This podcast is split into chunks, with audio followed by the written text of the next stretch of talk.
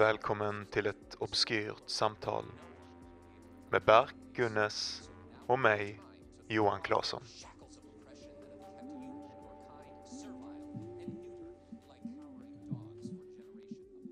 All right.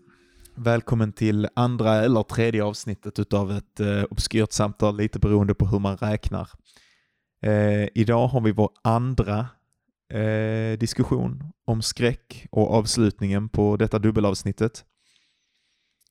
Den här eh, diskussionen var inte helt lätt för oss att få ur oss. Det var, vi har eh, kämpat lite grann med den, men vi hoppas att det ska vara en rätt så bra diskussion i alla fall. Eh, vi refererar till fyra olika berättelser i den här podcasten. Eh, Dream of a Mannequin och The Frolic av Thomas Ligotti, The Boogeyman av Stephen King och eh, Beyond the Wall of Sleep, fem berättelser Beyond the Wall of Sleep och The Color Out of Space av H.P. Lovecraft och sen en, en hel rad av filmer och sådär. Eh, det kan vara en, om man är så här särskilt litteraturintresserad, det är ganska korta berättelser, det kan vara en idé att läsa en eller ett par stycken av de där berättelserna. Vi hoppas att det ska gå att följa med i avsnittet, även om man inte har gjort det. Men eh, ja, det blev en del referenser till dem. I vilket fall som helst, eh, det är en ganska nice diskussion och vi kommer in på lite sådär härliga existentiella skräckinjagande eh, vägar. Trevlig lyssning. Eh, med de tre berättelserna in mind, var det någonting du fick syn på eller något du fick en känsla för, någon Mhm. riktning som, som intresserade dig i, i de här tre spökhistorierna? Grejen är att ehm, jag läste inte King. Nej, Som som, jag- en, som en jävla chef, jag ger dig tre, skicka lite berättelser till mig, jag ger dig tre berättelser. Du skickade i ärlighetens namn tre berättelser så sa du skumma igenom dem lite snabbt om du kände för det. Ja, typ. för och, det, såg jag, men det såg jag som en sån, okej som men en då invit väntar att skita i en av dem. Förlåt, jag har sagt förberett värsta essän till King-berättelsen. Men, eh, nej okej, jag läste inte den. Jag ber om ursäkt. Men jag läste två Ligotti och, och uh, on the, Beyond the Wall of Sleep, right? Heter den. Vilka läste du av Ligotti? Eh, the Frolic, Ja. som inte var med på din lista. Ja, och ja, och ehm, eh, Dream of a Mannequin, mm, som var med på min som lista. var med på din lista. Jag ska precis. säga att jag läste eh, en Lovecraft-berättelse till som jag pratade om förra gången, som jag egentligen borde ha bett dig att läsa, men som jag, jag, den jag valde valde jag dels för att den handlade om, alla de här handlade på något sätt om drömmar, Mhm, så det är en ingång vi skulle kunna ta om vi vill igen. Ehm, men också att den var kortare, Mm. och jag läste också The Color Out of Space, Right, right. som är mer klassisk Lovecraft-skräck, det som ibland kallas för hans great text. Men okej, eh, i The Frolic då, för det kan ju också vara intressant. Ja. Eh, I The Frolic, i A Dream of a Mannequin och i The Beyond the Wall of Sleep. Såg du någon skräckfilm den här veckan? Nej, det Nej. Fick du syn på någonting, någon riktning? Ehm, ja, eh, jag tror att självklart så man märker att det var ett medvetet val av dig att, att rekommendera specifikt ehm, Beyond the Wall of Sleep och Dream of a Mannequin. Ehm, delvis för att eh, typ innebörden av berättelsen ligger lite av i vad, vad personer drömmer. Alltså det är där liksom fundamentet Mhm. finns. Men jag tycker att det finns en tydlig skillnad mellan de två. Jag tänker att Dream of a Mannequin är mer en psykologisk eh, inblick på mänskligt psyke. Mhm. Alltså mänsklig varande. Medans, um, medans Beyond the, the, whale, the, the, the Beyond Wall. the Wall of Sleep. Jag tänker Veil of Sleep Ja. hela tiden, men Beyond the, the, Wall of Sleep. Ja. Det handlar mer om kanske någon slags kosmisk, faktisk, riktig varelse. Det är som, nästan science fiction. Ja, verkligen. exakt. Ja. Han blir liksom den här mannen som jag tolkar som någon slags ehm, eh, native american eller någonting. Jag, jag måste ha läst den fel, för att han var antagligen det. Eller så var han en, en white trash. Han är någon slags hillbilly. Jag tror till och med Ja. han säger att han är white trash Han, han säger det, texten. men, men sättet han beskriver honom på känns som, det är så jävla nedlåtande. Han bara, den här patetiska kroppen, den här, liksom, alla de här sakerna bara, bara tillsammans med idén av Lovecraft som den här stenhårda rasisten bara fick mig att tänka på honom som en, som en... eh, Han är en bara- mega rasist. Ja. Jag, jag ville bara se vad du tyckte om det. Det, det, jag kan säga så här, The Frolic exempelvis handlar ju också som jag sa precis om en, om en man som är psykolog som jobbar på, på ett fängelse. Där han har en specifik patient som lite likt ehm, Lovecrafts ehm, drömmare eh, också rymmer någon slags större eh, kapacitet eller kreativ förmåga eller sätt att prata på eh, bortom hans typ fysiska eh, kropp. Mm. Och det här med kroppar är också återkommande i alla de här tre böckerna. Eh, I alla fall den, av den tredje jag läste. Eh, men hur som helst, och så får han reda på och så berättar han för sin fru om den här, den här patienten han har haft, den här fången, som har ett sätt att beskriva sin verklighet på som är någon slags konstig hybrid av slum och typ så här getton och avdankade, söndriga um, städer tillsammans med någon slags kosmisk, oförståelig, jättevacker um, plats bortom jorden. liksom. Och han, han, Jag vet inte om han är typ ett, någon slags kosmisk jävla hillbilly eller någonting sånt. Man själv vandrar runt och frolicar runt liksom på jorden och så här lite glatt dödar barn. Och såklart visade det sig att han, han, tar, ta- han får tag på psykologens barn i, i slutet av berättelsen. Det tyckte jag var en av de läskigaste berättelserna jag någonsin läst. Jag vet inte om det var den här mänskliga faktorn av barnet som försvinner. Och den här intima, intima miljön som beskrevs mellan psykologen och hans fru. Men den kände jag inte i någon annan av berättelserna. De andra kändes avkopplade, Verkligen. frånvarande, medan den var väldigt intim. Ja, den, och den har ju den gräns som du pratade om som kanske är det här elementet som saknas i många Lovecraft-berättelser och även en del Ligotti-berättelser eftersom han är influerad utav Lovecraft, vilket är det spänningsbyggande elementet.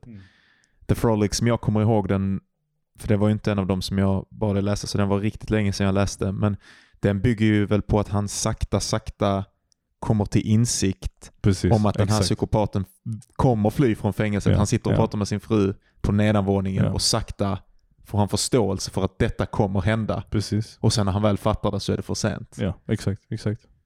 Det är, ja, det är precis det. Men även om man aldrig får någon förklaring till varför eh, den här fången rymmer eller någonting sånt. Utan bara tanken att han typ fattar, han får någon slags existentiell liksom, kris och förstår att det han säger, även om det känns omöjligt, på något sätt är sant ändå. Och jag tror det är gemensamt på något sätt, på något bakvänt sätt nu när jag tänker på det med eh, ehm, ehm Dream of a Mannequin.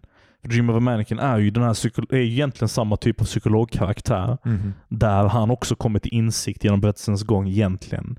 Att det han har upplevt kanske är någonting mer än det han vågar erkänna. Skillnaden mellan de två det. psykologerna är att han förnekar ju det stenhårt. Han är helt så snäll och bara säger att det var du som gjorde det i princip. Och lurade hit henne så att jag kan sova om nätterna. För jag vet att det inte kan vara sant. Mhm. Även om det var någonting i den här dockan i skyltfönstret. Som liknade henne. Som jag inte riktigt kan förklara. Det är verkligen intressant med alla de här berättelserna. Ehm, Att det är det här vetenskapliga, väldigt rationella Mhm.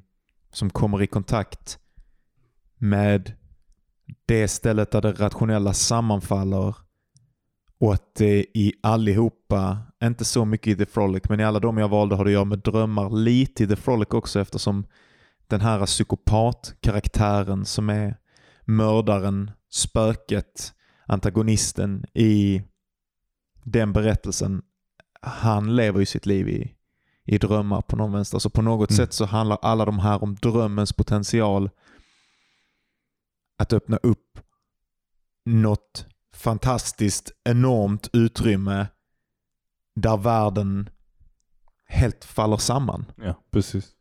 Och i The Frolic exempelvis faller den samman ju i en väldigt rejäl, liksom, verklig händelse när, med försvinnandet av hans I- barn. Beyond the Wall of Sleep och The Boogeyman också.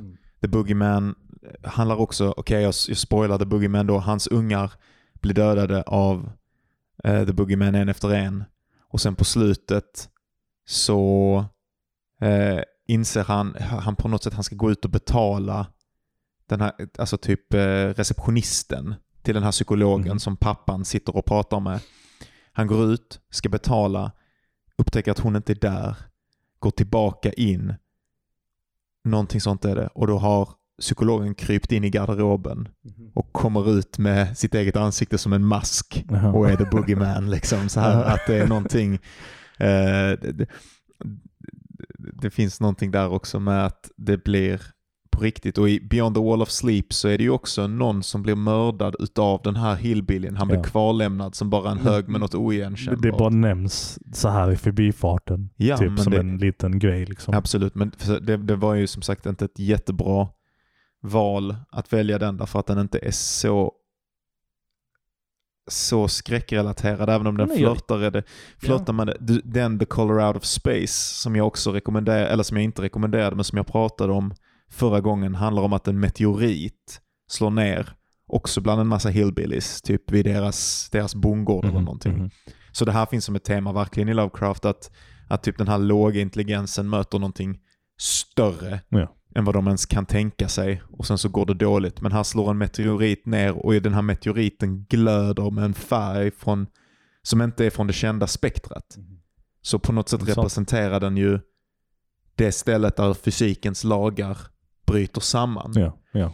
Och den börjar förvränga djuren och börjar, de börjar sönderfalla på olika sätt. På något sätt så, så, så, så tar den sig ut i vattnet. Så när de dricker vattnet så börjar de sönderfalla. Och den här äh, frun i familjen blir inlåst på, på vinden och börjar gå på alla fyra som jag berättade Oh, för dig förra klassiskt. gången. Ja, precis, när vi pratade om eh, också den gula tapeten. ja, ja.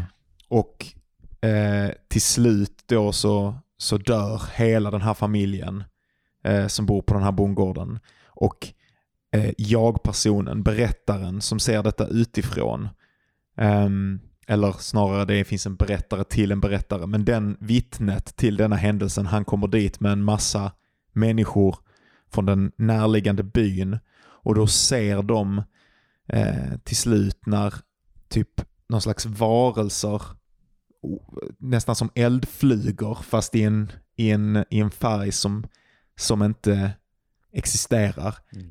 Flyger upp och flyger iväg ut i kosmos för då har de Mhm. sugit, de ska till något ställe bortom det kända universum Mm. då konstateras det. De har liksom sugit ut livet, någonting från bortom vår fysiska universum, döden kanske, det okända Mm.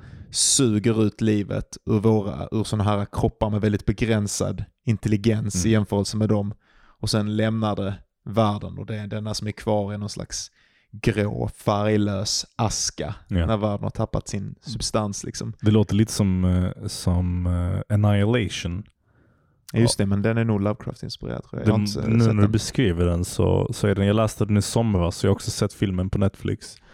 Ehm, Vem är det som har... eh, jag tror han heter Vandermeer eller något sånt. Jag är inte Okej. 100% säker på författaren. Vi får kolla upp det senare. Men han har skrivit tre böcker i samma, i samma händelse. Liksom. Den ena heter Annihilation och sen heter den andra ehm, Control eller något sånt. Jag minns inte. Om någonting sånt. Eh, men Annihilation fall handlar ju liknande om en meteorit som slår ner på, vid en kust och sen så bara bryter den ner liksom verkligheten runt omkring på alla Mm. möjliga konstiga sätt. Mm. Oftast väldigt så här nära sammankopplat med psyket på människorna som besöker den här platsen där Just meteoriten har slått ner. Eh, jag tror att om man ska ändå hitta någon slags gemensam nämnare i alla de här berättelserna, jag vet inte om det är så i den här Color Out of Space, men idén av, av, av hur de här kosmiska de här kosmiska varelserna på något vänster eh, påverkar människ- människans upplevelse och uppfattning av verkligheten. Eh, jag tror det är en nyckel för att, det låter lite banalt egentligen, men det är väl, måste väl sägas att det är typ fundamentalt i den här typen av berättelser för att man ska kunna förankra dem i, i verklighet på något sätt. Just att den här människan som vi kan relatera till upplever någonting som är bortom den fysiska mm, verklighet som, som vi alla är bekanta med. Liksom. Eh, det kanske är gemensamt för alla skräckberättelser, jag vet inte. Vad tänker du? Jo, men det är väl det, det är väl det här som vi pratade om med ansiktet i, i fönstret. Det är saken som inte saken som inte får lov att vara. Mm. Att alltihopa, allting bygger på, på den platsen där, där vår verklighet faller sönder. Och för många, jag, jag tänker att den saken är kopplad till ja, en massa grejer i verkligheten, men, men kanske är den, den enklaste eller de två enklaste ingångarna till saken som inte får lov att vara, det är ju den besinningslösa ondskan.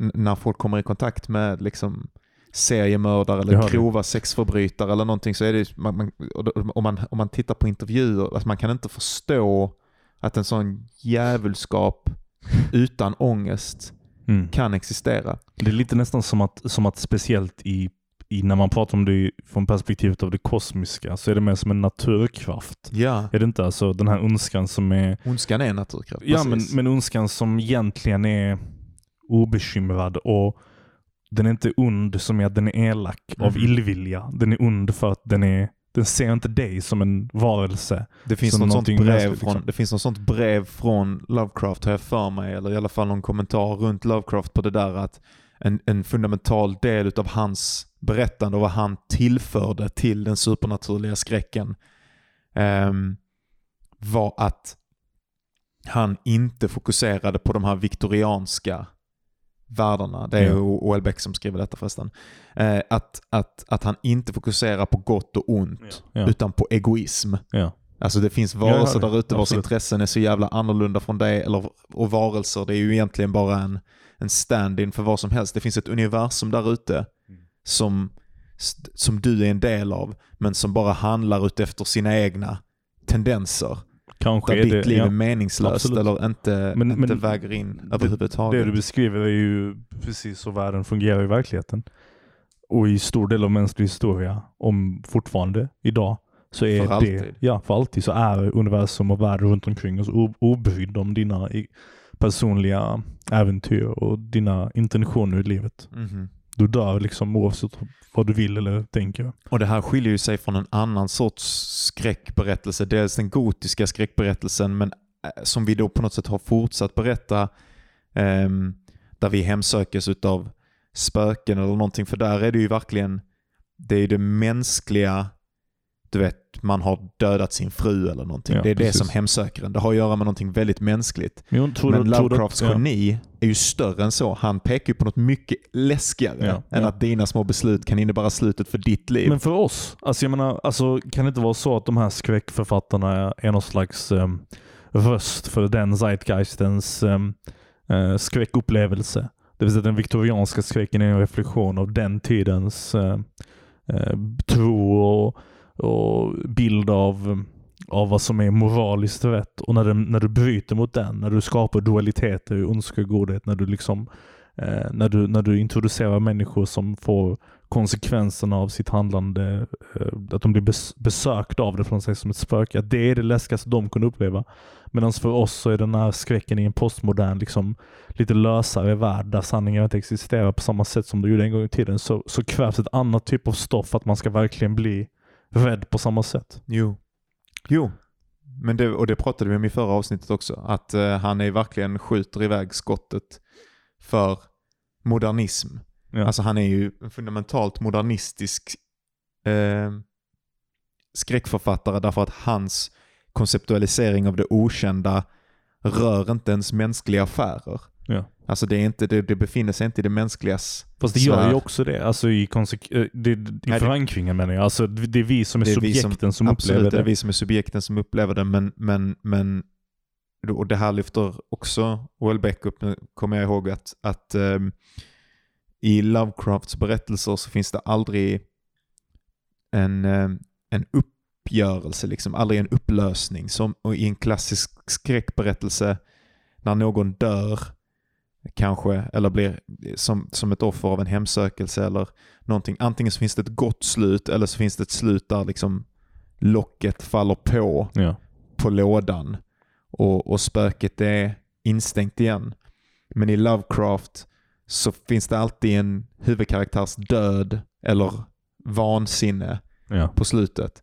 Men utan någon upplösning utav det som har orsakat det. Ja, vilket det här, i, i, en sorts skräckberättelse så är, är slutet ditt liv. Mm. I Lovecrafts Så är det det kosmiska. ditt liv är inte Ja, ett jag skit. Det är lite alltså som att skräckobjektet fortsätter efter berättelsen. Jag hör det, jag hör det. Det är lite som att eh, det riktiga subjektet i berättelsen är det här väsnet och vi är liksom bara förankringspunkten som finns där för att man ska kunna uppleva det. Vi, det är precis, vi Men får det bara filtrerat. Ja, ja.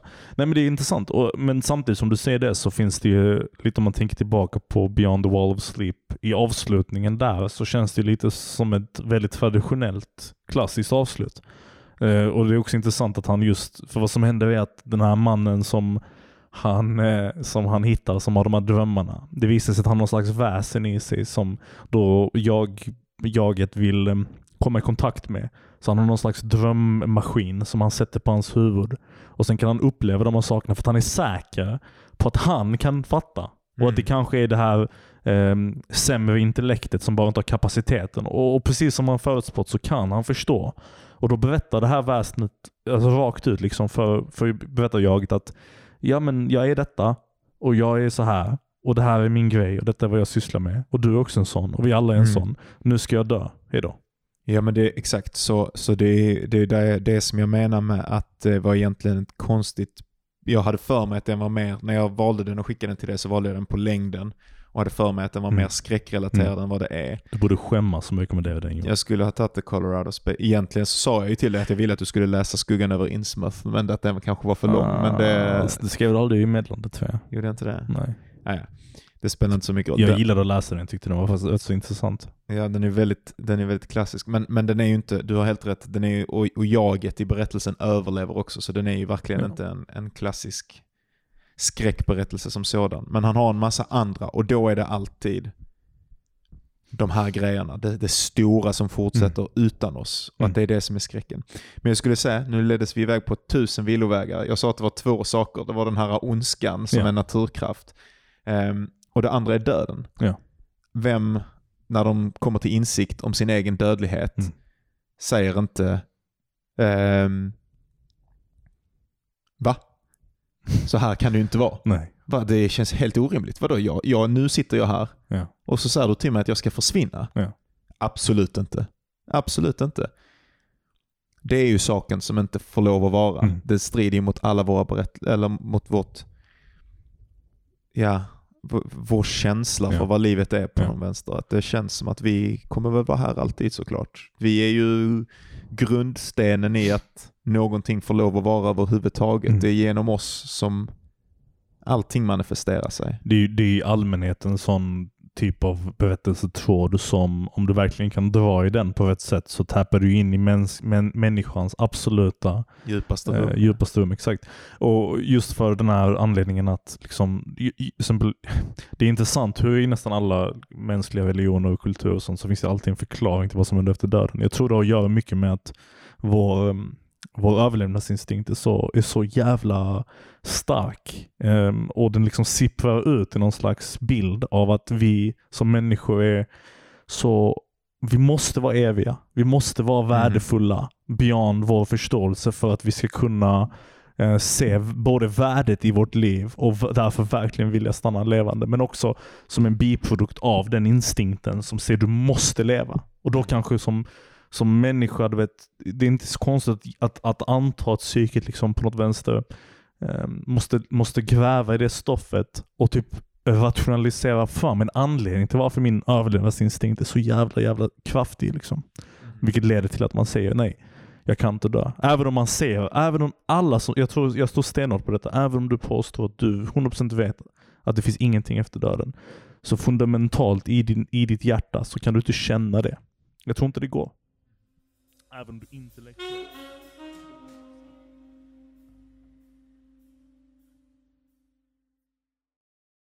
Frolic som du redan har pratat om så finns det ju barnmördaren. Ja, precis. Men mer på en, om, om man ska hoppa bort från de här halvesoteriska författarna, Lovecraft är väl inte så esoterisk, eh, men de här halv, eh, ändå de här eh, författarna som är en del av en viss, en viss sorts skräck och hoppa ut mer till eh, allmän, saker som allmänheten känner till, så är ju, använder Stephen King verkligen detta. Mm. Alltså eh, vad som finns i djupet på, den, på, på det amerikanska samhället. Tänk typ pedofili och stranger danger Ja, i ja. It. Ja. Du, jag tror du nämnde det för avsnittet också. Ja, det gjorde jag kanske. Definitivt en... en, en eh. För, det, för det bearbetar ju verkligen det och, och det är massa andra grejer, rasism och, och It är ju på något sätt, eller Pennywise, Mm. är ju på något sätt en symbol för allting som är mörkt och fruktansvärt och hatiskt och eh, sådär i djupet utav det amerikanska samhället. Eh, samma sak med typ alkoholism och domestic violence Ja. i The Shining. Precis.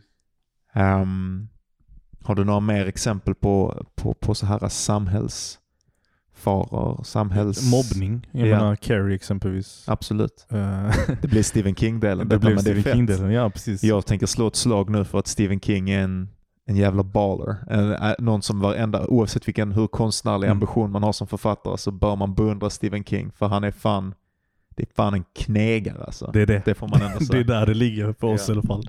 Kne, knegar King. Alla, alla som har författarambitioner borde läsa on writing. Bara Ja. för knegarbiten. Det kanske vi pratar om när vi gör vår, eh, tveklöst vår eh, writing-avsnitt. Exakt. liksom. exakt. Eh, Ja, definitivt. ja.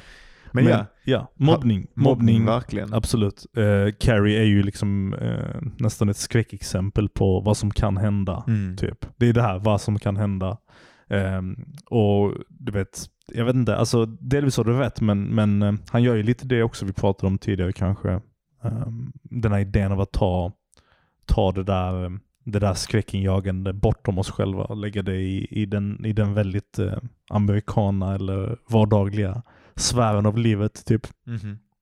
Eh, det är i alla fall gemensamt för, för andra författare och honom. Men, Men han är ju super, eh, han skriver ju flera gånger, jag har läst flera saker som Stephen King har skrivit om Lovecraft också. Och Mm. han har ju, alltså, han blandar ju verkligen de här grejerna i att ha, det börjar alltid med någon slags idyllisk familjesituation och sen blöder någon svart olja ut från under jord liksom Ja, så här precis. som visar att egentligen så är allting ondskefullt både i en rent vardaglig kontext, alltså typ genom mobbning, ehm, genom eh, att folk är homofober och pedofiler och Ja. alla möjliga saker i den här, eh, i Dairy, i It. alltså It är ju ett jättebra exempel Ja, på det. för, för, exakt, för där kommer ju den här grejen in sen, att du tar det här väldigt vardagliga ja, och sen infusar du det precis. med en kosmisk entitet Ja, som blir ett, dels en skräck för det här, eh, ett uttryck för det här okända, men också verkligen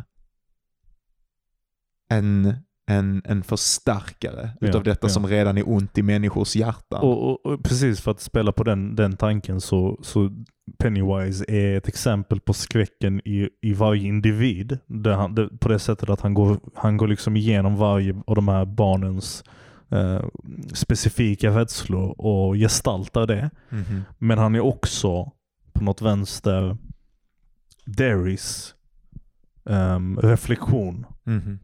För att på många sätt så är det lite som att berättelsen följer små olika människors um, ska man säga, um, upplevelser i Derry. Med, jag tänker början på, vad är det, jag minns inte vilket kapitel det är, men någon av, någon av kapitlen i It där vi får följa um, den här homosexuella killen som jag Mm. tror blir nedkastad för en bro. Mhm. Där det är så här samhällsfaror som förkroppsligas i, i its, i its, its varande typ. Ja, alltså precis. Och därför, det finns ju någonting nästan, eh, alltså ett ställe där, där det symboliska, man vet inte om, om det som händer är symboliskt eller på riktigt. I Stephen King händer det ju alltid på riktigt Ja. i världen. Men alltså den här gaykillen skulle ju kunnat dö redan när han blev nerslängd från bron. Ja, ja, och på något sätt är det det Nej. som händer. Det är bara det att han sen blir hittad utav Pennywise the Clown och uppäten, vilket ytterligare förstärker biten och symboliskt kopplar hans död Precis. till alla andra döder. I boken. Och- och- döder. Men, ja, det är men, men också att, att boken heter just It. ja, Alltså det där. det är det. Det där. Ja. Exakt. Det är skitintressant. Men, men ehm, du nämnde tidigare ehm, du nämnde tidigare den här psykologberättelsen. Uh, vad fan hette den? Eh, The Boogeyman. The Boogeyman. V- Vilken typ av samhälls liksom, fara är det du tror du den beskriver? Funkar den, den jämförelsen eller den idén där? Alltså kanske, jag kommer inte ihåg. Det var, som sagt, det var ett tag sedan Jag som jag den läste den. Ja, så jag vet inte riktigt. Ja, det kanske du borde ha gjort. Det Det var därför den var på min lista, kan, Ja, kan man tänka sig. Eh, men eh, eh, jag, jag tror att det finns någon dimension utav negli negligence. Alltså att Ja, han, intressant, han ja. inte lyssnar på sina ungar. Okej, eller det, att, att han gör sina egna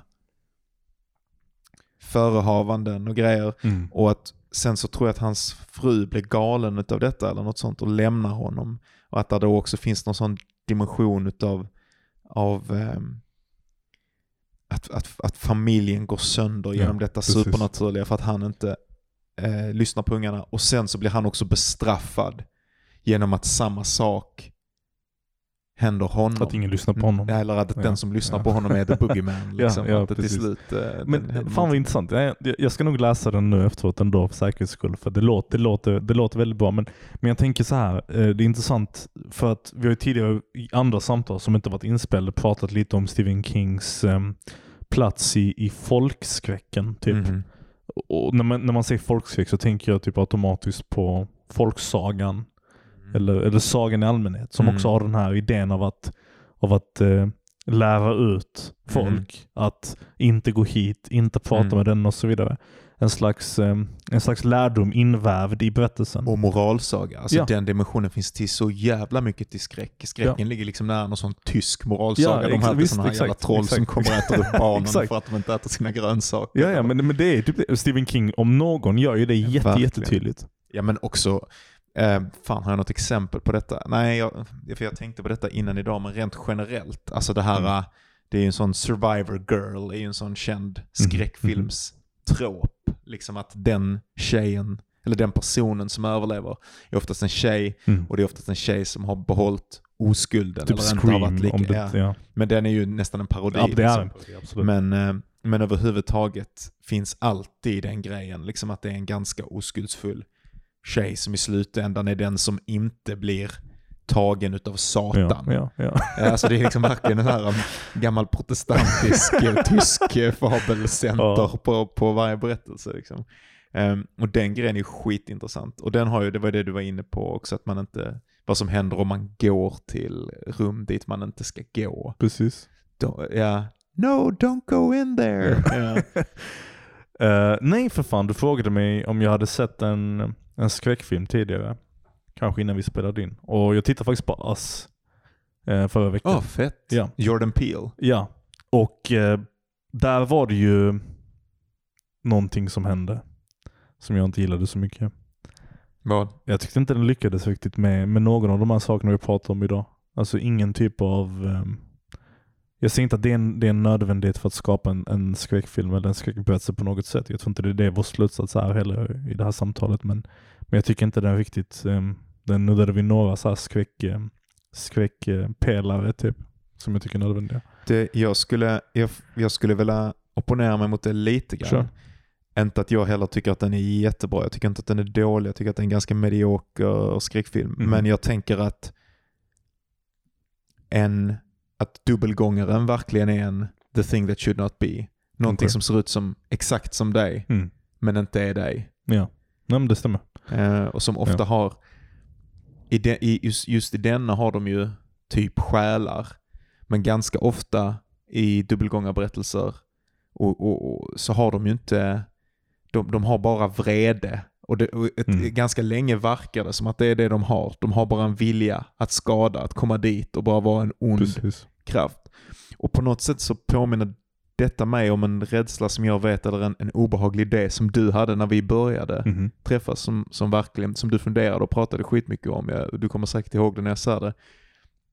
Men att du var jätterädd. Och det här är ju nästan en ande då. Du var jätterädd för en människa som är precis som en människa. Mhm. Det kallas en philosophical zombie Mm. i filosofin. En Mhm. människa som är precis som en människa. Men där är ingen bakom spakarna. Ja, ja. Det är ingen som tittar ja. ut. Men det verkar, kan du aldrig veta. Det var, det var en dröm jag hade där jag drömde, jag hade precis blivit tillsammans med min, med min flickvän. Och så drömde jag att jag var en annan man som befann sig i en, en lägenhet eh, på, på ett badrum där jag satt på toaletten och typ hade kranen på medan min, min flickvän var i det andra rummet och lyssnade på musik eller kollade på tv eller någonting. Och sen så gick jag över till badkaret där en annan person låg död. Ehm, och hade förruttnat hur länge som helst. Och jag hade klätt den här kroppen i någon slags um, tapetklister. Så det såg ut som en, en annan, så det såg ut som en människa. Såg ut som en Mm. annan tjej. Ehm, och så la jag mig över den här kroppen medan min flickvän var i det andra rummet och sa någonting till mig. Och jag typ svarade. Mm. Så här, ja, ja, jag kommer snart. Och så la jag mig över den här kroppen. Och sen så tog jag en kniv och så bara högg mig själv genom henne Och så liksom upp i mitt bröst och så dog jag. Och så när jag vaknade så var det som att jag typ insåg att den här varelsen jag drömde om, det var typ en människa på alla, på alla aspekter förutom i själ. Det var bara tomt. Den som, blev, som var i papier-maché. Nej nej nej, människan som la sig över papier-maché. Den som var- du trodde att den, du var. Exakt. Alltså den här idén av att det finns det, det fanns en kropp och det fanns armar och det fanns ett beteende som, som på något sätt liksom liknade en pojkvän. Mm. Men att jag kunde ta mitt liv så enkelt utan Mm. någon... Alltså, det betydde ingenting för mig. Mhm. Ingenting.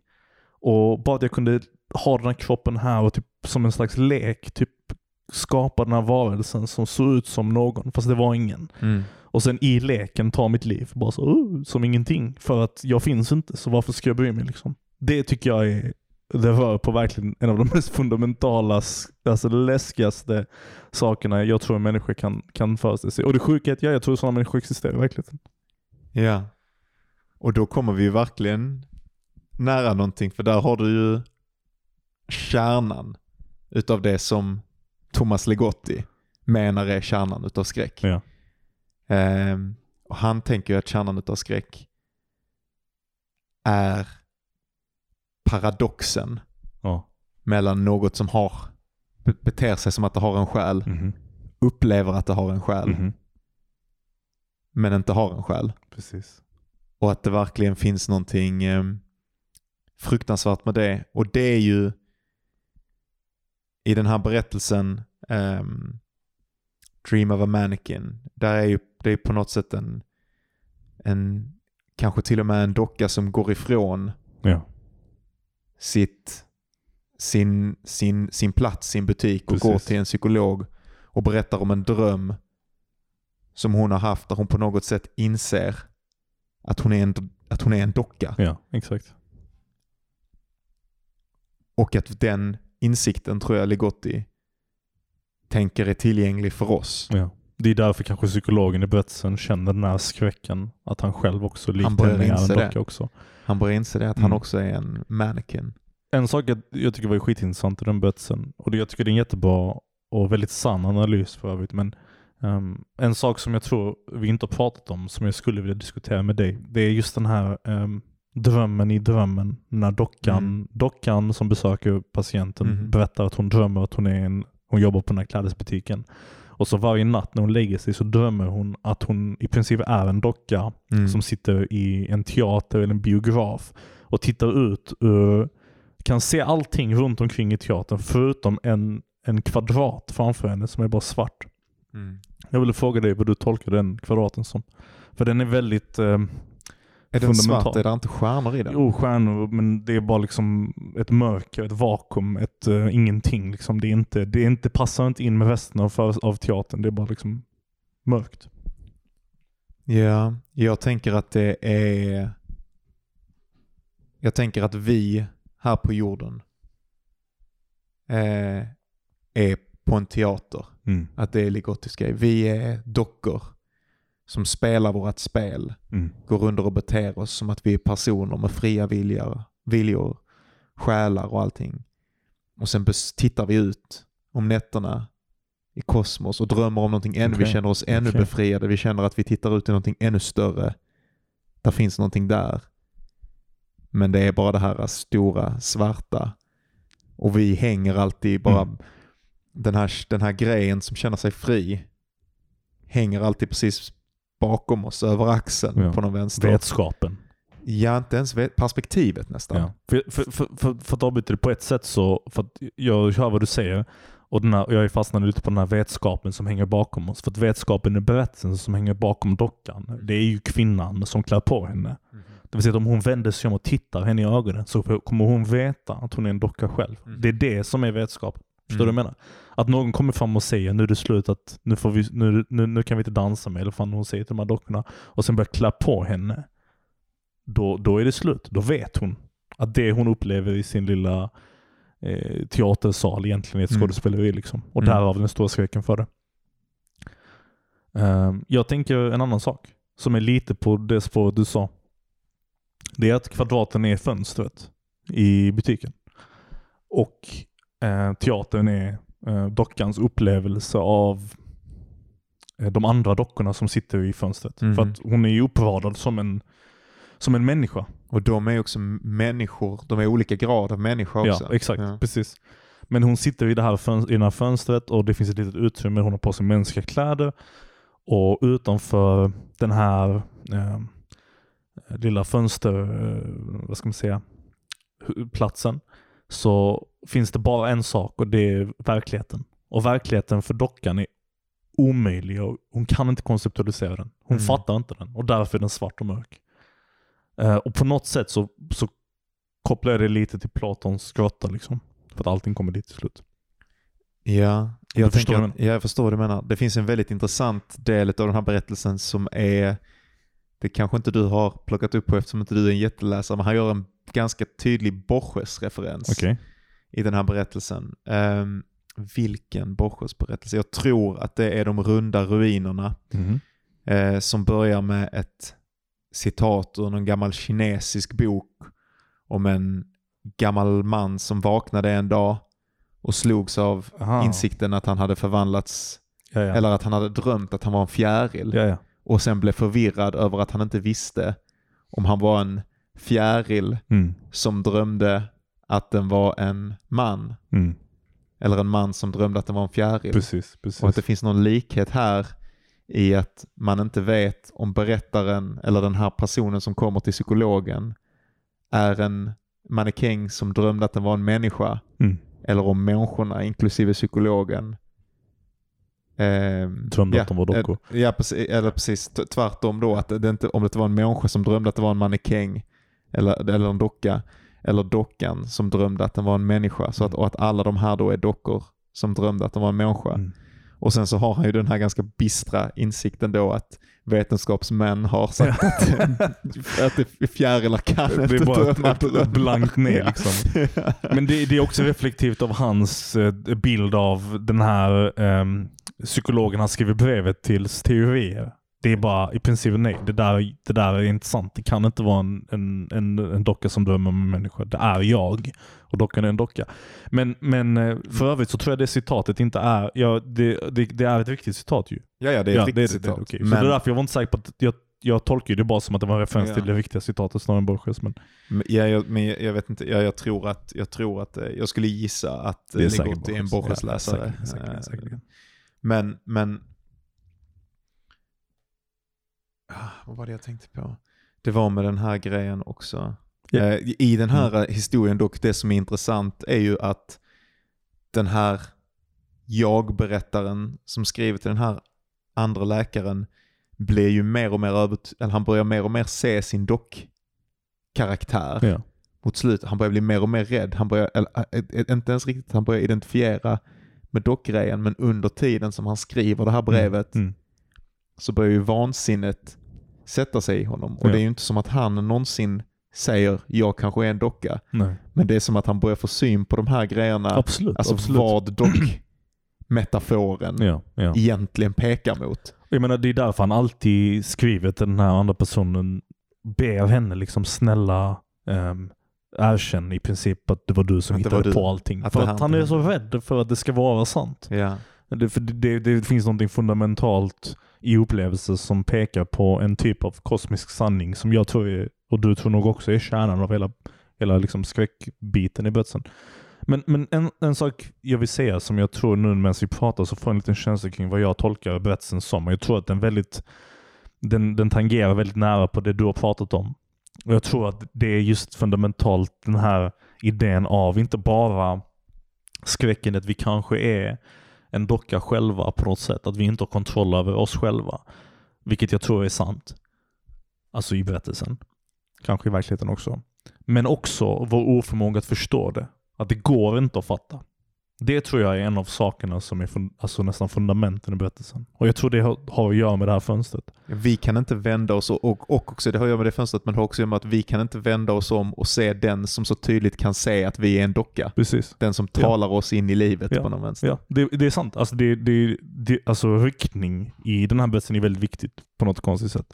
Framåt är det den kosmiska oförståelsen. Du kan inte se och fatta vad den riktiga verkligheten är. Det är bara blankt för dig. Och bakom dig, och det, och det är framför dig inte läskigt. Det är, det, det, det är fint. Det är bara skuggor på en vägg liksom. Och sen bakom dig som du ser den här, den här alltså föreställ dig verkligheten. Föreställ dig om du hade kunnat liksom vända dig om från lågorna och skuggorna som kastas på väggen och se vad som finns på riktigt bakom dig. Mm. Och s- ja, se, se det, det rena perspektivet på den vänster. Ja. Men att, att man inte kan. Man kan, man kan inte bara Mm. se att alltihopa är en dröm. Man, man är tvingad in Mm. och dansa dansen. Mm. Oförmögen att se den här personen som klär på en sin Mm. personlighet. Eller den här, den här personen är liksom, eh, det är bara en symbol. Men Ja. den här, eh, vad det nu än är, som gör att man är där, Ja. det kan man inte se. Ja. Och det är ju verkligen, eh, kan ju skicka kalla kårar längs med ryggraden på vem som helst och fundera på den grejen. Definitivt.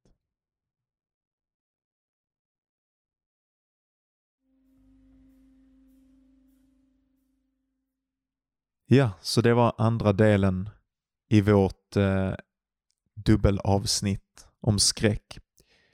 När vi började den här inspelningen så sa jag att vi skulle försöka ta reda på varför människan berättar morbida berättelser. Och vi har varit och nosat i lite olika riktningar.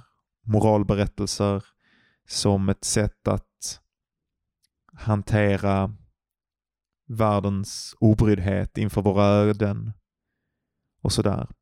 Eh, men jag tänkte som en lite mer konkret avslutning eh, så tänkte jag läsa ett citat från Mästaren och Margaritan som ju är en eh, 1900-talsklassiker eh, av Mikhail, Mikhail, Mikhail Bulgakov. Yeah.